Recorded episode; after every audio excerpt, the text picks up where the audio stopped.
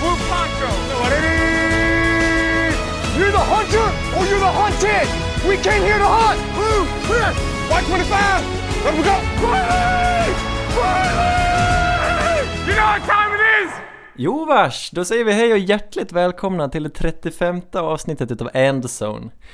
Eh, idag är vi en man kort, det är bara jag, Anders Engström och jag sträcker ut min hand i cyberrymden och tar tag i David Andersson, hallå! God kväll, god kväll. Lite ensamt att bara vara två. Ja, Erik är på några nya upptåg, han är den dåren och han är och åker skidor igen. Precis, det blir ju bara mer och mer klart att Erik är i ett annat eh, skatte...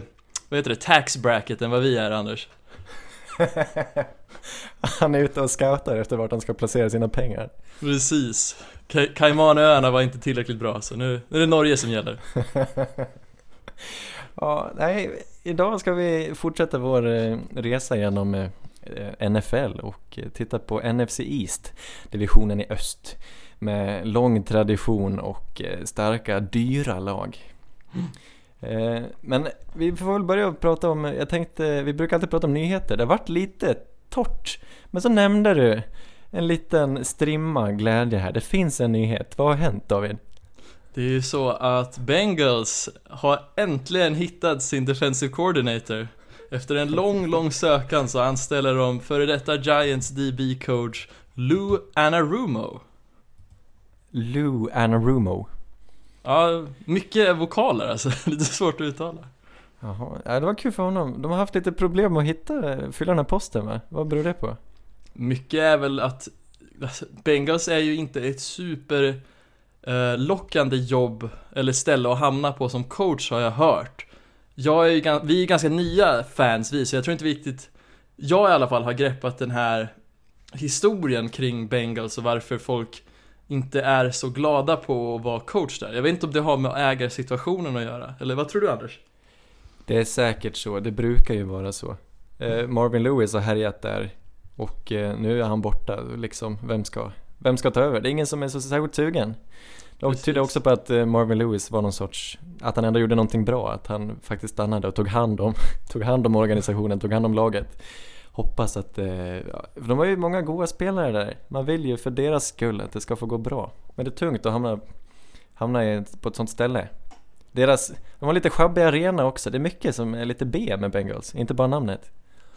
Jo men verkligen, men det här är väl också en av de minst rika eh, organisationerna. De har ju inte så mycket pengar att slänga sig med. Och det är ju verkligen en familje, ett familjeföretag liksom jämfört med om man skulle ta Rams. Som känns som att den ägaren äger ju halva världen med hur mycket sportlag han äger. Ja, ja just det. Ja, vi säger välkommen till Moma Rubo och, eh, eller vad heter det? Anna Rumo. Anna Rumo. Men det här håller inte, vi måste ha nyheter. Jag, så jag tänkte, jag tog fram min eh, favorittidning här, Svensk Dam. nej nej. Eh, jo, vi har av avslöjande. kungafamiljen. Jag älskar Svensk Dam. Vill du veta, Carl Philip avslöjar sina favoritlåtar. Oj oj oj. Jag måste säga att jag är lite eh, besviken. Det så Ja, så här, de, de som Run to the Hills, Stairway to Heaven och Sweet Child of Mine.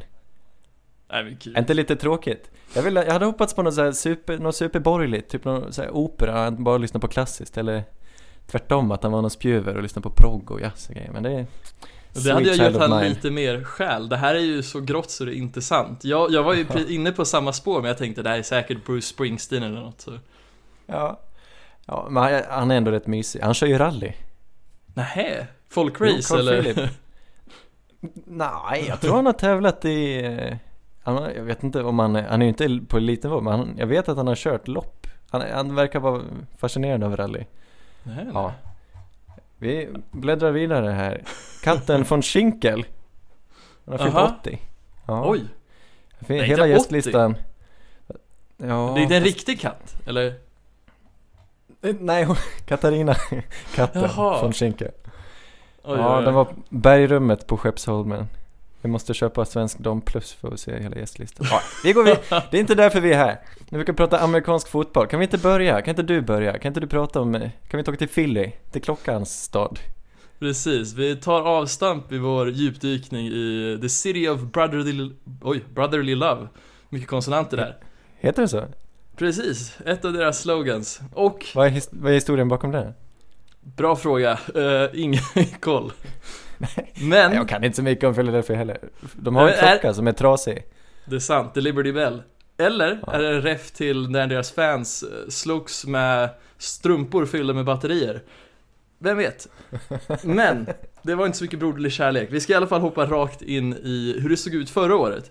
Och de plockar ju hem i ganska här, stor dramatik eh, tight enden Dallas Goddard i andra Just rundan. Det var det. deras första pick. Och sen Ja. så pickar de även en annan, om jag, det har fokuserat på två spelare då. Det är han eh, Dallas Goddard och eh, Avante Maddox som var deras safety då förra året. Och Goddard tyckte jag ändå hade en ganska stor roll, eh, trots att han spelade bakom Ertz. Jag vet inte, vad, vad tyckte Ja. du om uh, Goddard förra säsongen? Nej men det var överraskande plock, eller när man har Zach Ertz som är topp 3 tight end vad gäller produktion offensivt och så tar man till, in en till så här Dallas Goddard. Så det, det pekar ju tydligt på vad deras strategi är och de tog, var han den första tight enden som klev av, eller som togs i draften? Mm, Det ska jag inte säga för mycket om, men han, är ju, han har ju producerat. Och Precis. eh, han är ju inte en ersättare utan han är ju snarare en, eh, ja men han är ett komplement i deras anfall. Helt klart, helt klart. Och det är väl också, jag tror jag har för mig att jag läste att de har ju valt att gå lite mer åt det här two tight end sets när man har två tight ends på planen. Eh, och det är ju precis det vi såg när Patriots vann 2016, var det då? När de mötte Atlanta. Då var ju deras, hela deras gameplan var ju att spela två tight ends med Gronkowski och Martellus Bennett. Så det är nog lite i den stilen. Ja, just det. Men sen om vi går över till Avanti Maddox då. Ett som var ett ganska stort problem för Eagles förra året var ju just skadorna på secondaryt. Och Avanti Maddox var ju kanske ganska, lite för grön för att hoppa fram i de här starterrollen. Och jag vet, när jag lyssnade på Peter Kings podcast så var Avanti Maddox ett ställe som många offens eh, siktar in sig på, på att utnyttja. Ja, Eh, bland annat Drew Brees och ja Eh, Sean. Payton, precis. De utnyttjar ju verkligen det. Eh, eller de hade planer på det för jag tror att Avanti skadades i den matchen. Men det märktes i alla fall att i början, eller ungefär i mitten på säsongen, så var det inte så bra secondary spel från Eagles. Eller vad säger du Anders? Nej, Det var ju helt sjukt. Det var ju inte, jag vet inte hur många som skadade sig. Vi tog väl upp det. Att de, de fick leta eh, alltså secondary-spelare från, från, från överallt, från gatan liksom. Så de hade maximal otur. Och Maddox var lite ensam där på positionen. Precis, och nu så tyckte jag väl ändå mot slutet att den där secondaryn började spela bättre och bättre. Vi såg ju eh, i de sista playoff-matcherna ganska bra spel från Cravon LeBlanc och Russell Douglas. Ja, jag tänkte, för, för de har väl egentligen, eller Ronald Darby var skadad då gissar jag. För han är Precis. väl en corner, just det, okej. Precis, det var ju skadorna på Rodney McLeod på safety och på Ronald Darby som jag tror verkligen visade sprickorna i det Eagles-laget. Men snyggt att de ändå tog sig till slutspel. Precis, och det var ju på ryggen av deras uh, alltför tillförlitliga backup Nick Foles. Men, eh, om vi ska rikta oss lite framåt här. Jag har, när jag ser det här rostret så tänker jag att Även om secondary var ett problem förra året så såg det ut som att det blev bättre med tiden och det är så pass unga spelare så jag vill rikta in mig på att de verkligen ser till att lösa running back positionen. Och ja, med det räknar jag att de faktiskt, de kommer ju bli av med Nick Foles och de kommer förmodligen, om jag hade fått bestämma, och jag hoppas att de går lite den här vägen också, att de verkligen rensar huset med de running backsen i den kommittén som de inte vill ha. Speciellt kanske Darren Sproles och J.I.I. då främst. tror du de drar? Ja, de Ja. är kanske free agents till och med. Precis, J.I.I. är free agent och Darren Sproles också. Ja, ja just det. Och jag tror att Darren Sproles börjar bli gammal, men han är ju lite en ikon i Philly. Så det, den där är 36. lite kanske, precis. Ja. Och det är inte säkert att han kan hålla på, det tyckte jag ändå märktes förra året. ja, han är fortfarande god, men eh, jag kan tänka mig att han inte, de kanske inte, det är inte prio ett att ge honom ett nytt kontrakt. Nej, nej verkligen inte. Och det känns som, de saknade verkligen det här umf de hade det året de vann Super Bowl med, när de verkligen roterade på Ajayi och Blount och Clement. Men det kändes Ja. som Clement tog ett steg tillbaka så de saknade den här stora powerbacken i Blount förra året. Ja, Clement, han var kanske var lite skadad också av och till. Och så hade de Smallwood Precis, den... Som jag inte vet vart han kom ifrån. Var han en rookie? Uh, nej, det var han inte. Han var... Alltså, han, Han är ju bara- djup spelare. Det är inget... Han var bara god. Precis, han var oväntad. Han, han spelar bra för det så långt som han trodde. Han var ju en eh, spelare som jag trodde skulle i alla fall komma med i laget. Jag trodde inte han skulle få en så pass stor roll i Eagles. Just det. Men sen hade de en, eh, de hade en rookie, en odraftad som eh, faktiskt spelade ganska bra. Precis, Mike Adams va? Jag kommer inte ihåg vad han hette nu. Ja, Ja, något sånt. precis. Men jag har i alla fall tänkt att running back är det de kommer sikta in sig på. Kanske i free agency, men kanske i draften tänker jag. Och just Ja. då tänker jag att det är prima läge att de siktar in sig på den running backen de vill ha och den bästa i draften. Så mycket möjligt Aha. att vi ser Josh Jacobs där, från Där Alabama. i första rundan. Precis. Ja men varför inte? Om han nu, om de gillar honom, om han är bäst. Eh, jag har inte tittat så mycket på honom, han känns ganska, lite versatile va? Lite, lite en Kamara-kille nästan. Mm. Jo men precis, och de behöver ju verkligen få en styrka i sitt springspel med den offensiva linjen som de har. För att då ge Wentz lite mer tid så han inte skadar sig så ofta Mm. tänker jag. Eh, och sen kan de då utnyttja resterande picks till att bygga på djup på andra positioner. Ja, men förutom Foles, alltså klarar de sig pengamässigt? De har det väl, de ligger väl på minus nu som det är? Ja, Eh, och vilka försvinner mer? Jag tänkte på Brandon Graham, han har sagt rakt ut att han drar defensive end.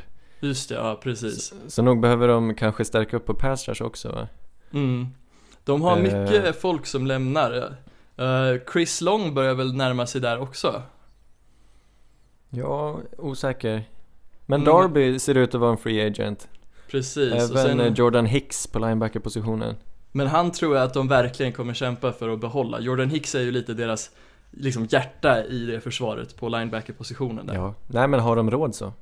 Mm. Eh, så får vi Alltså se. det är många, men de får ju köra ett prioriteringsjobb. Men jag litar ändå på det laget för de har Alltså generellt sett så skulle jag säga att de har ett väldigt bra lag och de har klara styrkor. Det gäller bara att de får mer hjälp från springspelet. Mm. Och bra tränare. Helt klart. Okej. Men så då, det handlar om springspel, det handlar om secondary, det handlar om kanske pass rush. Precis, precis. Golden Tate då? Är han, tror du han blir kvar? Hur ser det ut på receiverfronten? Alltså just Golden Tate är ju, det är knepigt tror jag för Golden Tate kändes det som, som de plockade in för att de inte riktigt litade på, vad heter det, Nelson Aguilars produktion det året. För han var ju en ganska stor del året innan och sen så såg vi inte han så mycket och då ville de ha någon spark. Och, för det känns ändå som Golden Tate och Aguilar är lite samma typ av spelare. Ja, jag Och- älskar Golden Tate. Mm. Han är skitduktig men det, jag tror inte det är så bra passform i, i Eagles tyvärr, så han lämnar nog. Ja, kanske. Plus att han väl kan begära ganska mycket pengar. Han är ju Helt till klart. åren, han är över 30 men han är ju fortfarande en av de bättre. Mm. Det är, Jo, inte, det är lite svagt i free agency på receiverfronten. Finns det så många, om Golden Tate kanske görs löst då. Men Mm. utöver det, Mike Williams har jag sett eh, verkar testa marknaden. Men det är lite skralt, så det kanske, för de som verkligen behöver en receiver, de lagen, så kanske det är draften som gäller.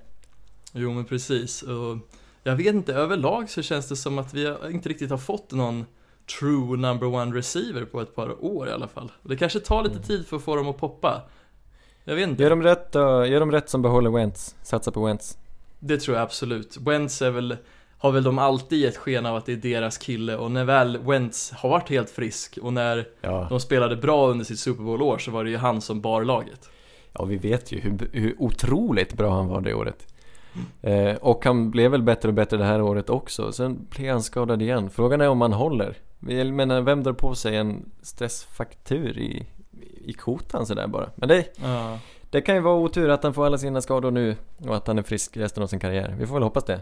Precis, så det är därför jag tänker springspelet kommer verkligen hjälpa det. För om han inte behöver vara centrala rollen på anfallet från början nu i alla fall så tror jag att han kan jobba fram lite lugnare i alla fall och inte behöva utsätta sin kropp för lika mycket stryk. Mm. Du gillar Eagles va? Är det ditt eh, östlag? Mm, kan vara, men Alltså grejen är att min Eagles-fascinering kom ju mest från att jag hade nästan hela laget i fantasy året som de gick till Super Bowl, så det... Ja, Sen har jag en kompis som håller på Eagles, men... Nej men jag gillar Eagles, de är väl ett av mina favoritlag. Det känns som de har bra, intressanta spelare. alright. Då eh, går vi till grannbyn då, till New York. jag vet inte, är det långt emellan? Du har varit i USA? Eh, typ fyra timmar mellan tror jag med buss. Jaha, ja, det var inte så nära. Ja, men jag tycker alla, alla städerna ligger på rad där på, på östkusten, men det är möjligt att det är långt. Ja, New York Giants i alla fall, det blåa laget, eh, har haft det lite knepigt på sistone. Alltså om man tittar de senaste tio åren, det här är ett av de sämre lagen. Liksom generellt, men de har ju också vunnit två Super Bowls. Jag tycker det är så oklart eh, lag. De har vunnit två Super Bowls med, med Eli Manning, men de senaste fyra, fem åren har, så går det ganska trögt. Eh, och den, förra året eh, i draften så tog man ju då, som alla känner till vid det här laget, Saquon Barkley med andra plocket. Och det här har ju diskuterats fram och tillbaka och kommer alltid diskuteras fram och tillbaka. För många är lite oförtjusta i New York Giants quarterback-position och eh, menar då att man kanske hade, borde ha tagit en quarterback istället. Vad tycker David? Alltså med facit i hand så skulle jag ändå vilja säga att de gjorde rätt pick där, just på grund av hur stor pass eh, risk det var att spela bakom deras offensive line och att Baker Mayfield inte fanns där. För visst, Darnold har flashat, det har de andra rookiesarna också, men jag tycker ändå att det, jag tror inte de hade flashat alls lika mycket bakom New Yorks offensive linje. Nej. Nej, det, de har haft lite problem i draften överlag. Eh, för ett par år sedan så tog man, 2016 tog man Eli Apple i första rundan. Han har man fått eh, skicka iväg till New Orleans. 2015 tog man Eric Flowers i första rundan. Eh, så det har inte gått superbra. Men 2017 tog man Evan Ingram, en eh, offensiv, duktig tight end och eh, 2018 nu då Saquon Barkley. Eh, man har många problem tycker jag. Eh, Mm. ett, det största problemet måste ju anses vara deras offensive line. Och framförallt nu fortfarande eh, på right guard och right tackle. Så där kommer man leta. Man har alltså, man plockar som nummer sex i eh, nästa års, eller i det här årets eh, draft. Så det är antingen då en quarterback eller kanske en offensive line. Eh, eller kanske en pass rush. Man behöver rätt mycket. Men eh, frågan är, om Haskins finns där. Jag tror Dwayne Haskins eh, som prospekt är en quarterback som hade passat New York Giants rätt bra. Finns han där så borde de väl ta honom, tycker jag, för framtidens skull. Jag håller med dig fullt och helt fullt där, för jag tycker de behöver verkligen få in en ny QB där. Men frågan är om Giants verkligen tycker det, för det känns som de är väl lite i det här med Ravens och Flacco situationen var förut med att ja men han vann en Super Bowl för oss men han har inte spelat bra på ett par år. Men någon gång kanske han får det tillbaks. Och det har ju väl Eli Manning varit de senaste 4-5 åren liksom. Han har inte Ja. varit bra. Men ändå Nej, så tänker det- man på de här två Super Bowlsen. Det är väldigt tydligt att, de, eh, att Eli Manning är deras quarterback. Och det är ändå, det är ändå rätt skönt att de inte är, är liksom tvetydiga utan det är Eli Manning och det är han som kommer starta nu till hösten. Det är jag övertygad om. De Mm. kommer inte liksom låta honom gå för... Men problemet de har är att de har det rätt tjuvigt med ekonomin. För de har låst upp så mycket pengar i så få toppspelare. Det är ett extremt topptungt lag, New York Giants. Och någon av de här, alltså det, det är helt, det är ohållbart. Man måste strukturera om deras kontrakt och någon av de här stummarna måste man ju nästan låta gå. För det är, jag undrar om de typ 4-5 står liksom, eh, mest välbetalda står för 50, 60, 70 procent av hela cap-situationen. Det är rätt sjukt. Eli Manning tjänar väldigt mycket, Odell Beckham Jr tjänar väldigt mycket, honom tror jag de behåller. Jag tycker de ska behålla Odell Beckham. Det florerar alltid rykten varje offseason om att Odell Beckham Jr, vi- att, så trade-rykten, men jag, jag känner att han stannar. Mm. Men grejen med den här diva-personligheten ibland är väl verkligen att om laget går bra så känns det som alla de problemen man kan associera med en diva-personlighet, de försvinner.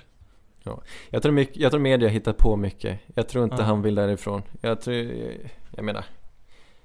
Han kanske inte, han kanske, jag tror han hade velat ha, han hade önskat lite mer stabilitet. Men jag tror inte han eh, avskyr sitt lag. Jag tror inte han hade velat spela någon annanstans egentligen. Dock, här har vi en kille, Olivier Vernon. Eh, som tar 20 miljoner på deras cap. Det är en kille som jag kan tänka mig skulle kunna få, få gå, bara för att spara upp, eller frigöra lite pengar. Han är dock, alltså han signade dem för några år sedan eh, och gav ohyggligt mycket pengar, 20 miljoner nu då, det här året. Eh, och han är deras kanske bästa vad gäller pass rush.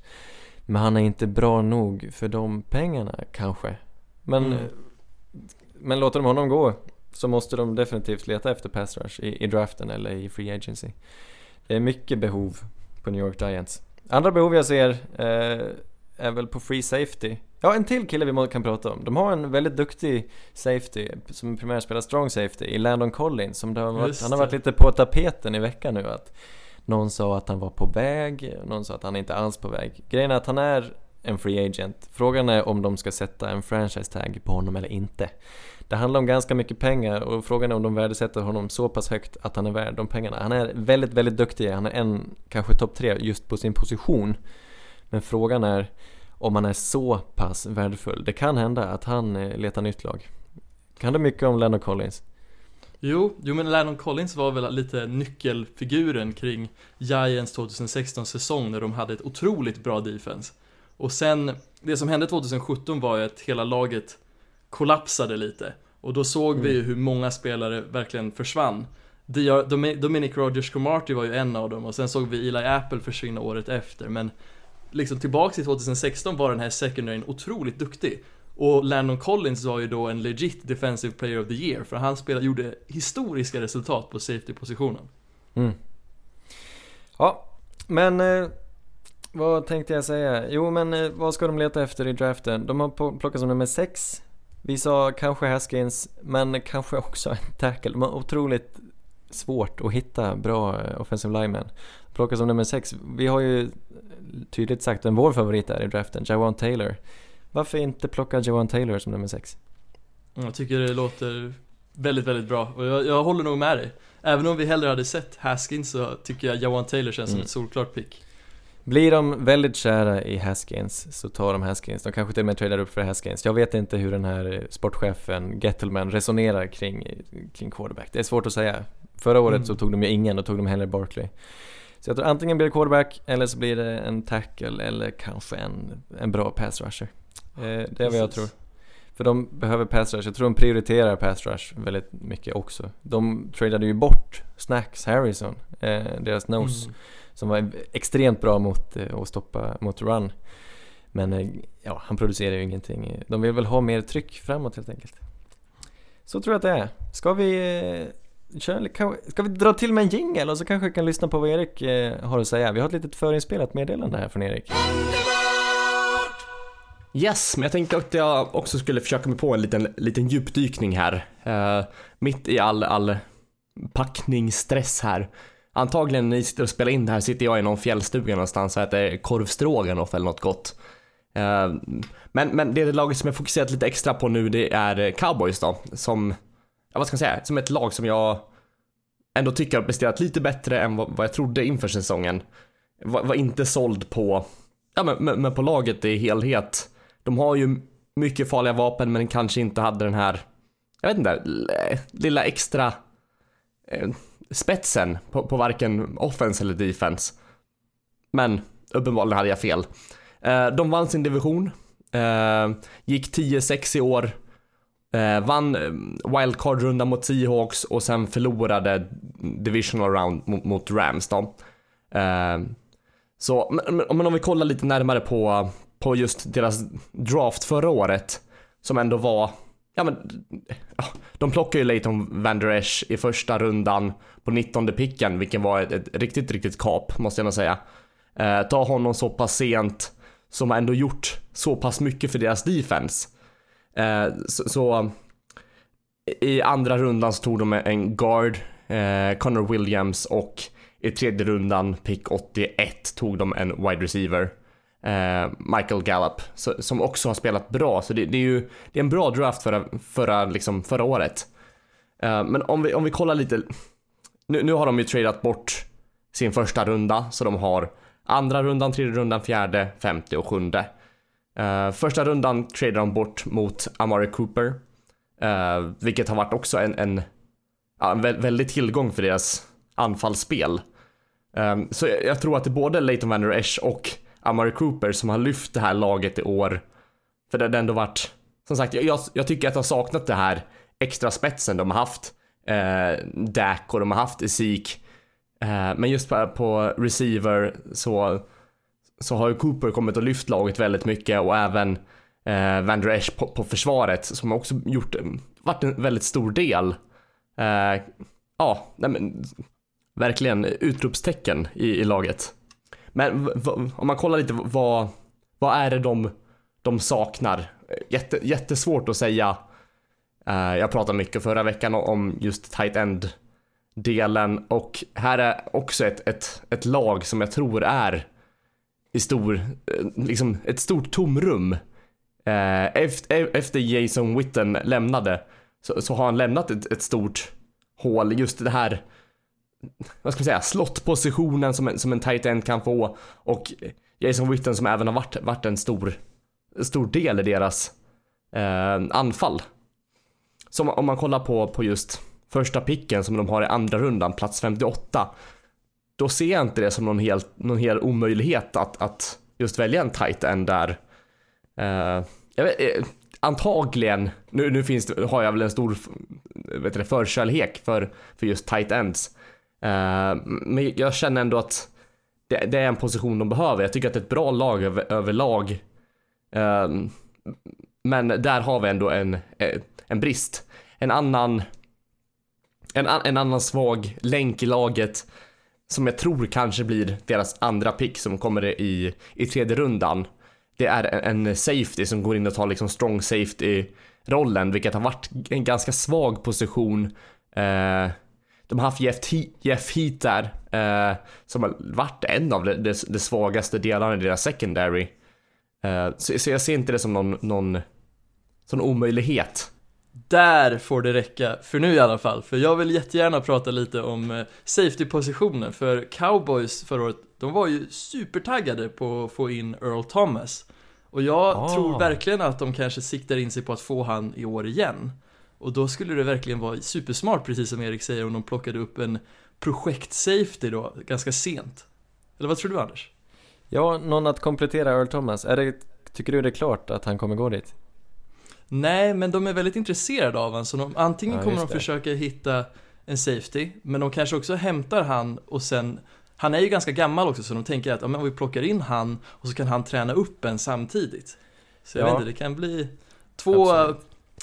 Två heter det? Två fåglar med en sten.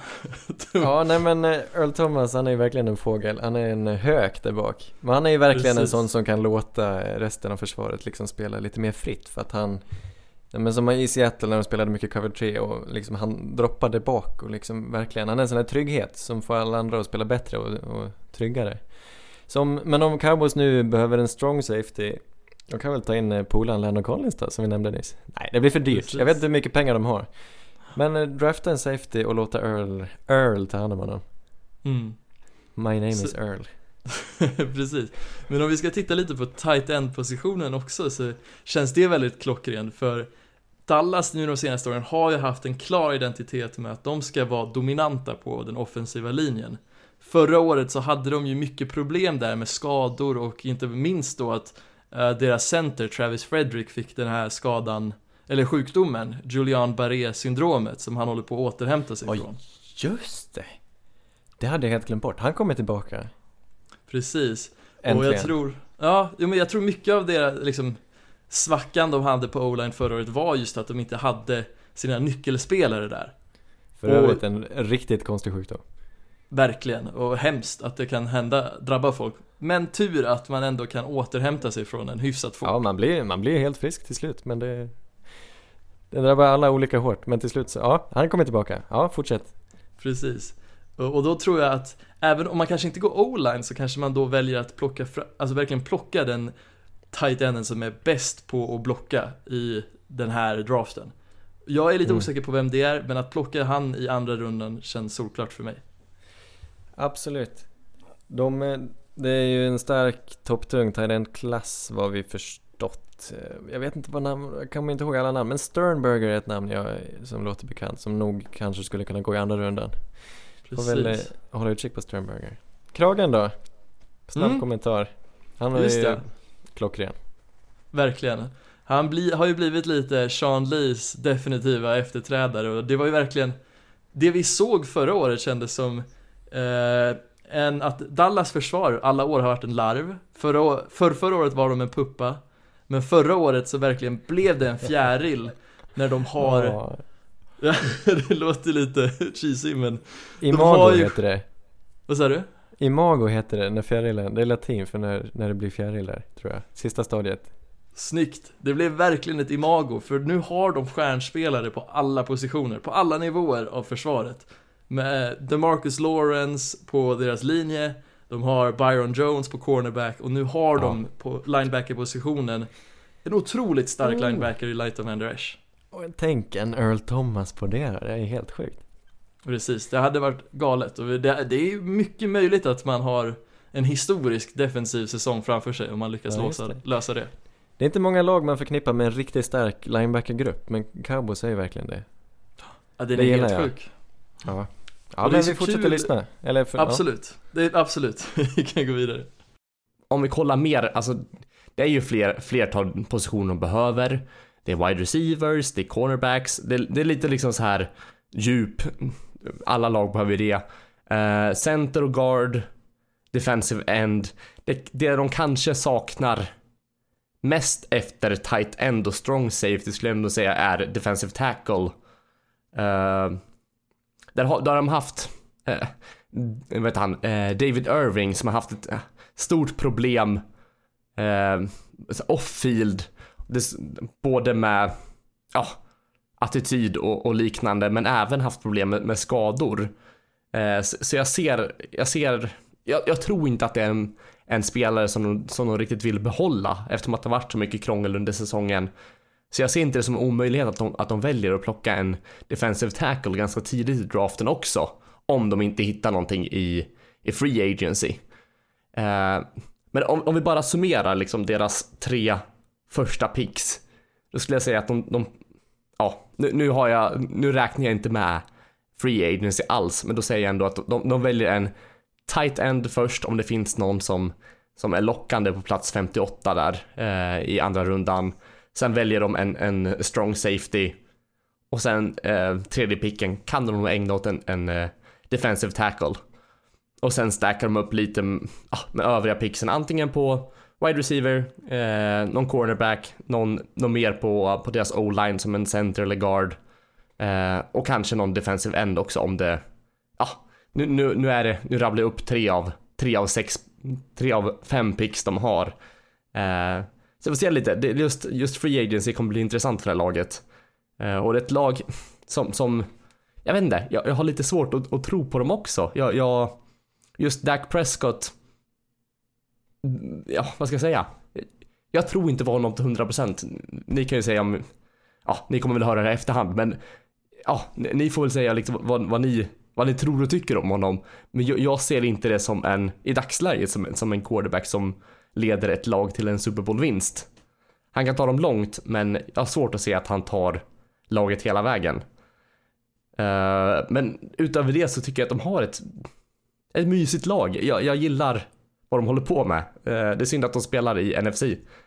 Ehm, ja, nej men det, det är lite mina tankar i alla fall kring, kring, eh, kring draften. Ni får inte så mycket backstory på, nu, på, på dem nu, men jag, jag lite stressad och eh, som sagt dra, dra till fjällen här när, när som helst. Men, men eh, ja, kort, kort summerat hur jag tror att draften kommer att se ut. Jag hoppas, eh, ja, hoppas det är till er belåtenhet så, så får jag vara med på, på live nästa vecka. Tack för mig. Dallas är ju sallad baklänges. Har du tänkt på det? Nej, det har jag inte tänkt. Du har inte det? Är Nej. detta inte allmänt känt? Eh, jo, det är det, men jag, jag tror aldrig riktigt jag, jag brukar inte vara den som vänder och vrider på ord. Mer än mitt eget namn, för det blir divad baklänges. Det är så långt jag brukar gå.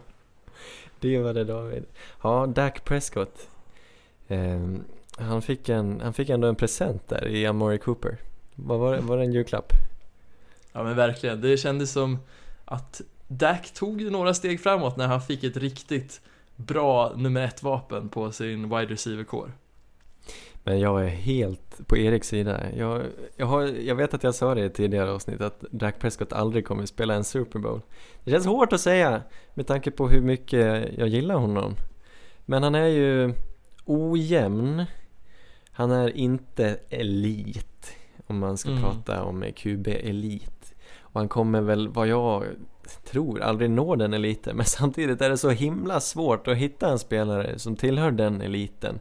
Så vad ska man göra? Han ska väl snart få ett nytt kontrakt och det är klart han ska få ett nytt kontrakt. Han kommer få tjäna väldigt mycket pengar men han är väl ändå deras quarterback. Hur mellanmjölk han än är. Mm, helt klart, och just jag tror inte att Dallas bryr sig så mycket om det när de ändå har Ezekiel Elliott på running back positionen där som är sån otrolig styrka. Och då kan det vara skönt att ha den här säkerheten i Dak eh, som bakom center då. Mm.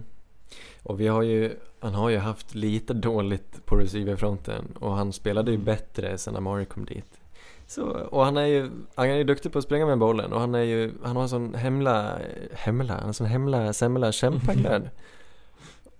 Jo men Och han precis, han är ju verkligen en som kämpar. Ja, Campbell Soup ja, precis. Vår soppkämpe. Nej, så det är svårt att inte tycka om honom, måste jag säga. Men jag, Mm.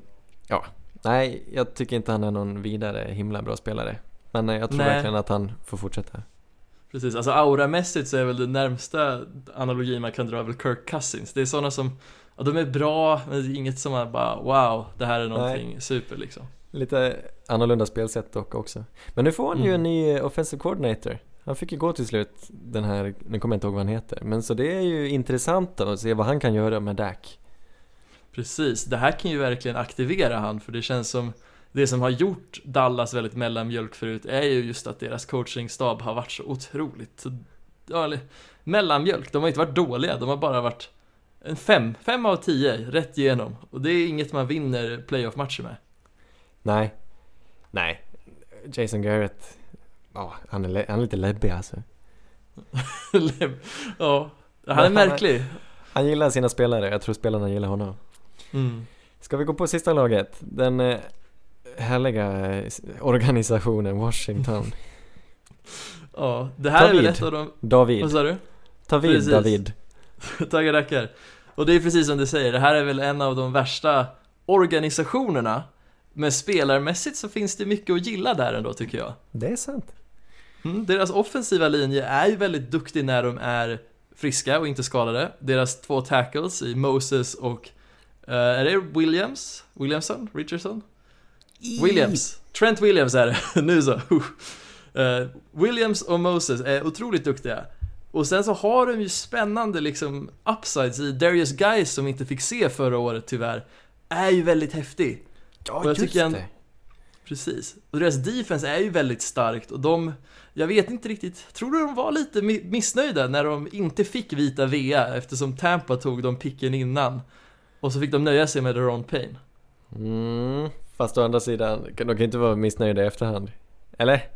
Nej, jag tycker Daron Ja, Payne har haft ett väldigt bra år. Daron Payne har ju varit sagolik, men han kanske är mer specialiserad zero teknik nose än vad Vita Vea är som verkar hoppa runt lite där i Tampa. Men det, det går inte att säga. Jag tycker Daron Mm. Payne ska de vara nöjda med. Precis, de har ju verkligen fått ett bra försvar och det har varit det som räddat dem många matcher. Och jag vet inte, alltså för mig så känns det ju som det här experimentet med Alex Smith, det har ju inte funkat. Det måste vi väl ändå säga. Eh, jag vet inte. Jag tycker han är okej. Ja, Alltså, han, men, Det gick ju mycket sämre efter att han blev skadad. men han var ju experiment inte bra när han spelade, alltså när han väl var frisk så spelade han ju inte det bästa heller. Det var ju inte, Ja, men de hade ju väl ett eh, winning record åtminstone. jo men precis, alltså de, Han- de vann matcher ny. men Ja. Mm. Men det var ju fortfarande ett lag som aldrig kunde Alltså om de väl låg under så förlorade de och om de väl ledde så var det ingen som kunde göra poäng på dem så det var ju sällan Jag tycker det ändå pratar lite för att Alex Smith inte hade ett superår Nej, det är sant. Och sen eh, den skadan han fick, det går ju inte att, att räkna med. Och det verkar ju nu som att det inte alls är säkert att han kommer tillbaka. Det verkar snarare Mm. otroligt att han är tillbaka i början på säsongen. Han har fått mycket komplikationer. Han bröt ju benet rätt, rätt hårt. Sen fick Ja. han, eh, otaliga infektioner efteråt. Och eh, läkningen har inte alls gått som tänkt. Så ja, jag gissar att du är på väg att prata om det, de kanske ska till att välja en quarterback med sin första pick då? Precis, det är det jag känner. Och jag skulle vilja måla upp en bild för dig Anders. Och så, du är ju ett väldigt stort fan av Kylie Murray. Och jag har ju min Will Greer som jag håller väldigt kärt men om vi plockar ur dem från situationen här. Och jag tänker på första picken. De har ju nu en bra o-line, de har Ja. Darius Guy som de kan lita sig på Ja. Vilken QB runt där i första rundan skulle du vilja se att de pickar då? Kyler Murray! Kyler kommer inte finnas där vid pick 14 Nej, de tradar upp. De tradar upp alltså? Ja, De gör en kanske helt sjuk splash. De ger upp, de ger upp eh, hela sin framtid och tar Kyler Murray. Mm. Korrektion att det var pick 15, men jag, jag, jag kan verkligen se det, för det här är ju ett lag som ändå är ganska byggt för att vinna nu. Och om de gillar Kyler, varför inte?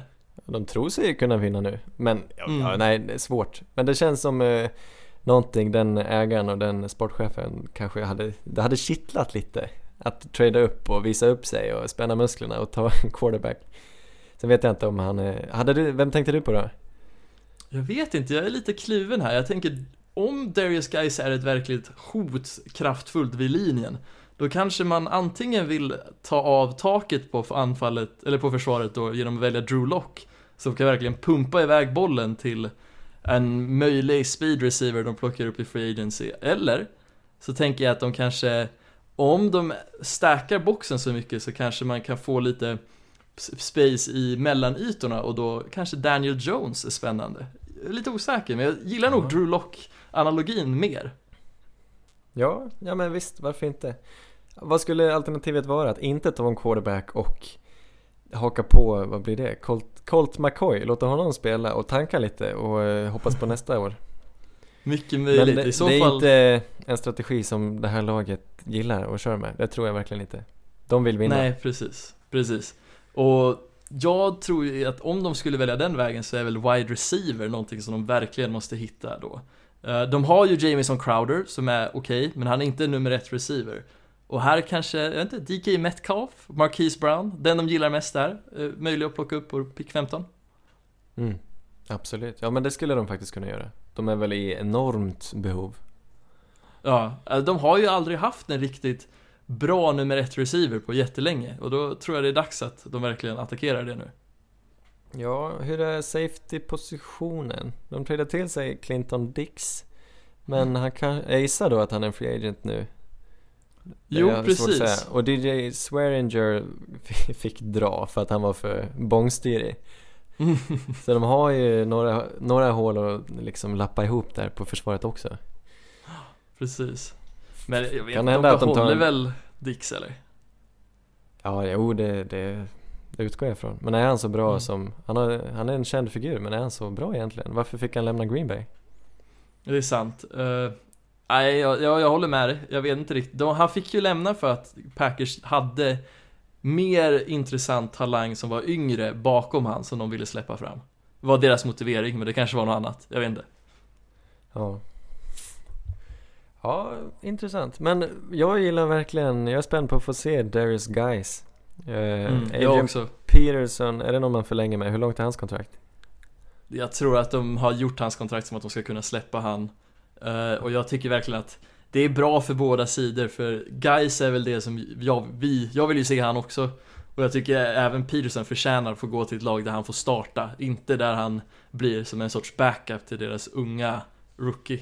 Mm. Och jag är väldigt förtjust i en annan kille de har, Chris Thompson. Det är synd att han är Just det, skadad precis. i var och varannan match. Han missar hur Ja. mycket som helst. Men när han väl spelar så spelar han väldigt bra. Bra, eh, Precis. han är väldigt snabb, tar, bra på att fånga passar och sådär. Ja, kul. Ja, vi hejar på, vi hejar på guys i höst. Mm. Både i dubbel bemärkelse, för du är väl Gaisare, du som bor i Göteborg? Jag vet inte, Erik är gaisare. Jag har inte valt något lag än. Men jag tänker jag Just ska... Jag läser ju till läkare så Örgryte är ju ett sånt där typiskt eh, överklasslag. Nej jag skojar. Jag gillar BK Häcken, jag bor på Hisingen. Jag är Häcken-fantast. Plus att det är det bästa Ja. laget rent objektivt. De tror jag ligger bäst i serien. Häcken har ju verkligen en sån där arbetarklass-aura, så jag skulle nog också gilla dem. Ja, Gais och Häcken. Nej, Häcken har ingen aura alls. Häcken har inga fans. De är... Det var någon, någon kursare till mig, hon sa hon var på en Häckenmatch och deras, eh, de hade en liten liten hejaklack och deras ramsa var typ Vi är små humlor, bzz, bzz, bzz, bzz, Häcken. Ja, det var, det var på den nivån. Äh, Det är ändå cred att ha en sån här, en Häcken halsduk ändå. Jag hade velat ha det. Lite häftigt. Jag var också sugen, jag kanske ska köpa mig en sportkeps. Är det vår nästa sportdate? När vi åker ner till, till Göteborg? Ja, Eh. kan ni inte komma ner till västkusten så går vi på Häcken. Ja, jag tycker det låter magiskt. Vi bokar in det. ja, vi får ta det i höst. Ja, nej men är det dags att avrunda? Ja, men jag tror det. Jag Du ska, få en- äta, du ska få äta din pizza framförallt. Just det, ja. För lite backstory, om vi ska dra undan gardinen, var ju att jag har precis kommit hem från att ha varit i Falun, så jag har hunnit slänga in en Grandiosa i mikron. Men sen så, i mitten när jag värmde den så bara, nej men jag skiter i det här så går vi och spelar in. Så det ligger där, lite halvt stel nu, men vi, vi värmer på den och ser om det funkar. Vi ska ju också säga det, om ni saknar något i dagens avsnitt, vi spelar in det här söndag den 24 eh, Jag vet inte när vi släpper det, men har det hänt något sen dess så är det därför vi inte har pratat om det eh, Jag vill bara, innan vi rundar av då, hitta någonting mer från Svensk Dam alltså jag, jag är så fascinerad av Det här är liksom en, någon sorts adelstidning, men alla vill läsa den Här står det om Mm, Meghan, Megans läppglans Oh! Meghan Markle. Prins Eh, Harrys Meghan Hennes Precis. topp fem misstag hon gör, hon bryter mot beautyregler får, Oj, spännande. har ögonskugga, man ska inte ha sotade ögon tycker de här Men hon har det Nej, ändå nej. Är det någon grej för, Meghan Markle är väl ganska känd för att ha sotade ögon typ? Eller? jag vet, jag vet inte vem hon är Slarvig Hon knut i håret Men hon blev ju känd i Suits för att vara den här heta tjejen Rachel som var paralegal. Jaha. Jag skäms ju att jag faktiskt kan det här trots att Nej, jag inte det sett Suits inte på flera år men Hur hittade Harry och henne, hon varann? Bra fråga. Uh, ja, ja, hon följer lite så här ur mitt, vad jag tänker på dagligen efter jag sett klart Suits och sen så dök hon upp där, gifte sig med Harry så bra fråga. Ja. Hon är lite Storbritanniens motsvarighet på Sofia då Älvdalen Just hon det? Jag vet precis. inte vad hon var med i, men hitta Carl Philip där och Ja, hon har ju dock inte varit med i Big Brother som Sofia har gjort. Ja, var det? Nej. Ja, vi säger tack och hej. Ni får skicka iväg ett mail. Endzonepod at gmail.com om ni har några åsikter, om ni har något eh, stoff här om Megan till exempel. Då vill vi veta det. Mm. Och annars tycker jag ni får ha det så bra. Nästa vecka så tar vi en ny djupdykning i, något, i någon ny division. Och fram till dess tycker jag att ni ska ha en väldigt fin vecka. Och jag ger er en puss. Vad får de från dig? De får ju en kram, så det blir puss och kram. Vilket avslut! Tack och hej! Tack blue för You're the hunter or you're the hunted. We came here to hunt. Blue, clear. White 25. Let we go. Quietly! Quietly! You know what time